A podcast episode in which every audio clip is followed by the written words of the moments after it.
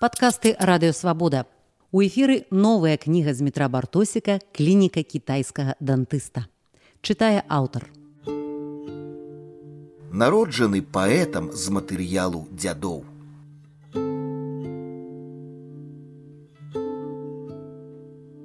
Пра тое, што продкі французскага паэта Гіёма Апалінера паходзяць з Беларусі, я даведаўся ад Уладзіміра Караткевіча з ягонай зямлі пад белымі крыламі.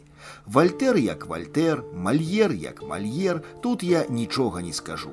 А вось вялікі французскі паэт Гіём Апалінер быў беларусам па крыві. Крыніцай для караткевіча магла служыць кніжка апалінера па-беларуску ў перакладах Эдзі агняцвет, якая выйшла ў 1973 годзе. У прадмове перакладніца пісала: Цікавая радаслоўная паэта, яго продкі кастравіцкія па лініі маці паходзілі з Беларусі. Жылі яны ў маёнтку дарашковічы пад наваградкам і сябравалі з сям'ёй вялікага польскага паэта Адама Міцкевіча. Прабабцы Апалінера Людвісі Кастравіцкай Міцкевіч прысвяціў верш матрос, дзе ёсць радкі: Загінуць не можа краіна, дзе жонкі і дзевы такія. Канец цытаты. Яшчэ раней у 1969 артыкул Эдзі агняцвет пра беларускія карані французскага авангардыста з'явіўся ў зборніку дзень паэзіі і ў тым самым годзе пра парадненне з апалінерам афіцыйна заявіла салідная беларуская савецкая энцыкляпедыя, якая ў першым жа сваім томе у артыкуле апалінер паведамляла, што сапраўднае імя паэта Гіём Альбер Апалінер Апалінарый Кастравіцкі і што кастравіцкія паходзілі з Беларусі. Іх маёнтак Дарашковічы пад наваградкам канфіскаваны пасля паўстання 1863 году. Дзед Апалінера эміграваў у Італію, дзе прайшло дзяцінства і юнацтва паэта. Канец цытаты. Гэтыя ж звесткі мы можам пабачыць і ў першым томе беларускай энцыкляпедыі, які выйшаў у 1996 годзе.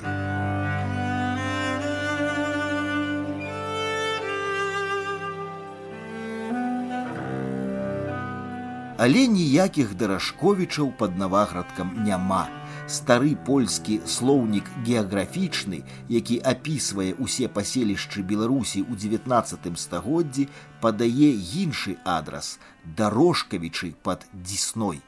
Туды мы і паехалі разам з полацкім паэтам алесям аркушам, што праўда, вялікіх спадзяванняў на падарожжа не ўскладалі. Ну сапраўды, што магло застацца ад шляходскай сядзібы на колішняй савецка-польскай мяжы пасля віхураў два стагоддзя але адкрыцці пачаліся ўжо на ўездзе ў дзісну. Першы ж сустрэты намі дзісенец ахвотна распавёў пра родны горад і вялікае княства. Князь, княство Литовское начиналось с Десны. Он имел в свое время бурское право. Так, войну он сгорел 98%, статус города остался. Слушайте, Василий, а вы по профессии кто? Инженер-механик. Тут кожный инженер ведает историю своего города. Ну, каждый уважающий человек, там, где он живет, должен знать историю своего города. Я считаю так. Але пра Гіёма Апалінера наш дзісенец нічога не чуў.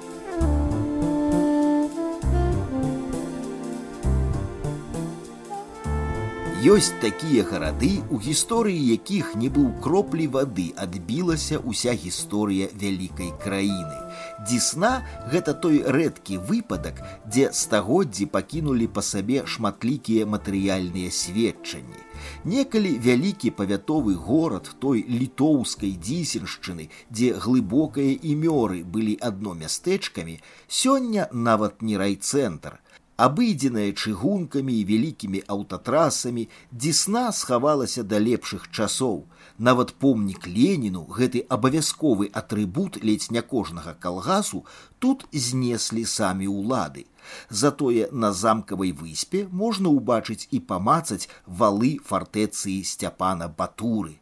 У знявечаных мурах францішканскага касцёлу захраслі савецкія снарады, выпушчаныя па цэлі ў верасні 1939, а ва ўскрасенскай царкве, пабудаванай у часы мураўёва вешальніка, знаходзіцца унікальны абраз смаленскай Божай маці. Непадалёк школа, дзе вучыўся Язэп Драздовіч. Праз дарогу былы купецкі клуб, дзе гастралявала трупа ігната буйніцкага, а яшчэ музей з унікальнай дзісенскай керамікай. І старой забудовы захавалася тут пасля ўсіх войнаў болей, чым у сталіцы. Якую будучыню прыхавала гэтаму гораду заўтрашняя гісторыя, калі ўлічыць яшчэ адно імя Гіём Апалінер.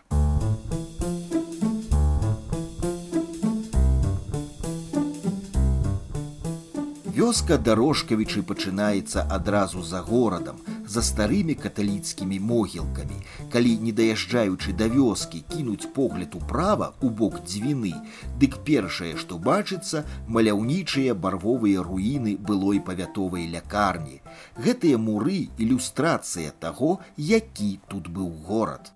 А калі пайсці ўздоўж дарогі, што заглыбляецца ў лес, у якім яшчэ можна пазнаць рысы колішняга парку, дык неўзабаве з-за дрэваў адкрыецца не не рамантычная руіна, а трохпавярховы палацык, атынкаваны, але яшчэ не пафарбаваны Бачна, што будаўніцтва ці рэстаўрацыя вядзецца няспешна і грунтоўна.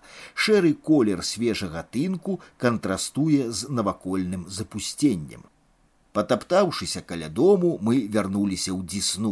Шукаючы слядоў паэта французскага, мы натрапілі на мясцовага вершаскладальніка, вельмі абаяльнага і гаманкога ветэрана НКВД і МГБ Геннадзя дзямешку, які адразу асыпаў гасцей паэзіяй, прачытаў свежую толькі з-пад пяра оду роднаму краю. Мне святые клічуць з неба, Пакінь дзесну, жыві ў раю. Я ў адказ. Мне рай не трэба. Люблю як сын дзесну маю. Пачынаў сваю міліцэйскую кар'еру гэты вясёлы дзядок у паваенных лясах, дзе лавіў былых паліцаяў, акаўцаў ды іншых ворагаў савецкай улады. На маём участке адзін э, быўшы паліцай скрываўся 23 годы і мне прыйшлося э, яго выташчыць з подвала. Ён зрабіў сабе сховішча у печы і в этом сховішчы ён 23 гады адбыў. Адседзеў сроку у два разы больше, як бы яму на суд определіў бы. Больше 10 гадоў не даваліш, а ён 23 адседзеў. Усякі было чудес. Пра свае подзвігі дзядуля расказвае з такім бляскам у вачах, што міжволі радуешся за свой год нараджэння. Дзякуй Богу, не выпадзе спаткацца з гэтым паэтам на ягонай МГБшнай сцяжыне.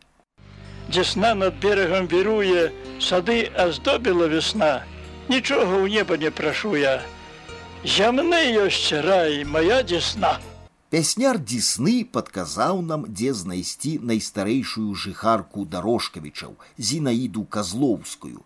Нягледзячы на позні час кабета адразу запрасіла ў хату. Зінаідзе за 80 яна выдатна памятае пару, калі сядзіба яшчэ жыла і дыхала. За часамі панскай Польшчы.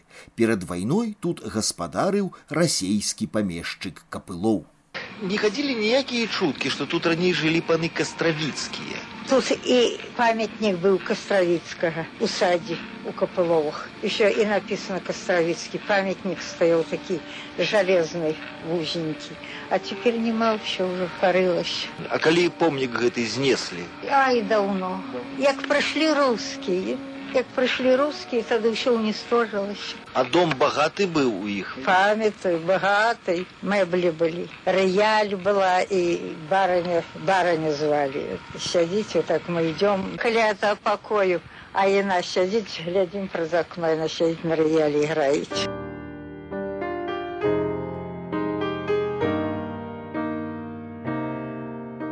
вярнуліся да сядзібы ў той час, калі велізарнае чырвонае сонца сядала за далягляд. Жывая карціна зачароўвала кожным імгненнем. Лясісты супрацьлеглы бераг нябачнай адсюль дзвіны ўжо акунаўся ў змрок, а далёкі далягляд палымнеў чырвонымі промнямі. Невыпадкова кастравіцкія пабудавалі свой дом фасаднымі вокнамі на захад – назіраць, як сядае за дзвіною сонца сапраўдная раскоша. Алесь звярнуў увагу на дрэвы перад домам. Месца неверагодна прыгожае, дзякуючы пойме дзвіны. Тут далягляд на захад туды, дзе сядае сонца. Прычым рака ж тут не проста ідзе, тут яна неяк разгаліноўваецца, тут нейкія паўвыспы ёсць ландшафт такі прыгожы. Я думаю, што тут і мог нарадзіцца паэт менавіта так гадуючыся ў гэтай прыгажосці. Ён тут не нарадзіўся. Не, в сэнсе нарадзіўся все равно чалавек які нараджаецца ён нараджаецца з таго матэрыялу з матэрыялу бацькоў дзядоў заўсёды перадаецца это ж нікуды не знікае Таму это нараджэнне адбываецца у дзядах у прадзедах адбываецца нараджэнне некага на ідзеі ідзеі пакуль нейкі спрыяльны момант не адбудзецца і тады ўжо адбудзецца такі цуд нараджэння паэта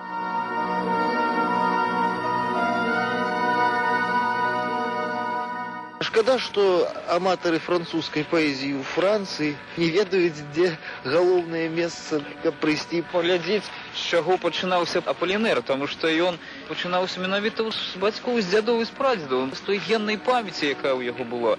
А я думаю, што ў геннай памяці захаваўся гэты ландшафт, гэтая дзвіна і гэтыя мясціны, гэтыя людзі, ты заваж як прыгожа нас сустрэлі мы просто прыехалі як зваліліся з неба сюды і людзі тут ходзяць вакол нас і паказваюць і расказваюць і возяць нас по гэтаму мястэчку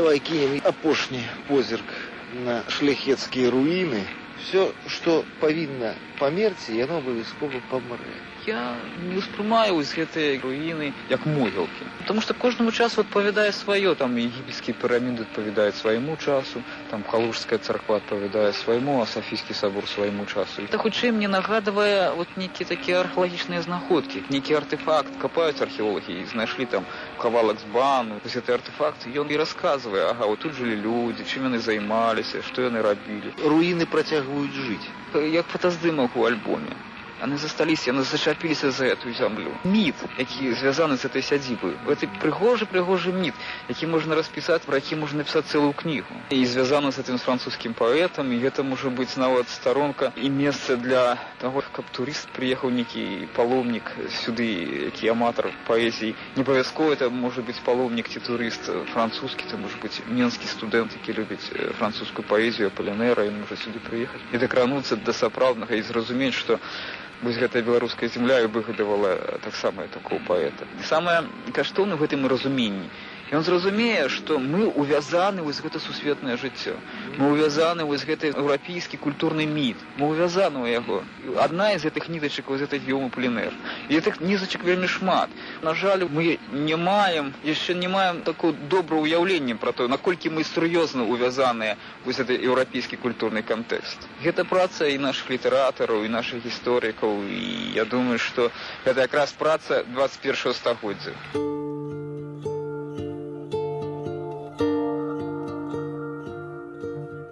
На фоне старога парку паказаўся калгасны трактар, вельмі арганічны ў гэтым краявідзе. Магчыма, і таму яшчэ, што як высветлілася, быў ён не калгасным. За рулём сядзеў праваслаўны бацюшка. На тле пакінутага маёнтку поп на трактары выглядаў больш нечакана за прывід колішніх гаспадароў. Айцец геннадзь прыехаў на сваю будоўлю занепакоены візітам чужынцаў.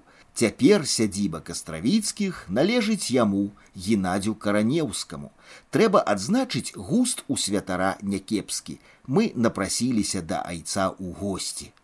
А як вам прыйшла гэтая ідэя ўзяць гэты развал развалины развал... ничего не было вообще один уголок и куча мусора 10 лет восстанавливаю а вам кто зрабіў проект сам ну восстанавливаю потом и фундаменту что было точно тот фундамент расчистили И такие стены толстые, такие по метр с 20, точно сделаем. Из того же самого кирпича. Это будет ваш дом? Ну, надеюсь. Караневских, рода Караневских. Сядзіба. А вы ведаете так, что это котлище родовое французского поэта Гийома Аполлинера? Да, ведаю, ведаю. Там Моя сестра работает в типографии, она вот следующая. И я тоже литературой не умею. Просто так воля Божья была. Раз, захотелось это место, понравилось, и начали работать. Теперь все удивляются. Некоторые смеялись меня, о, взял развалину, свалку такую, что это будет. А теперь ходят, диву даются. Не ведаю чаму, але мне было крыху сумна ад таго, што ў старой сядзібы ўжо ёсць гаспадар. Гаспадар дзейны, энергічны, які не дасць ужо заняпасці сценам. Ясна, што сядзіба кастравіцкіх скончылася яшчэ ў 1863, але ўсё роўна было крыху сумна. Як быццам у гісторыі, якой яшчэ працягвацца, разгортвацца і інтрыгаваць, паставілі кропку.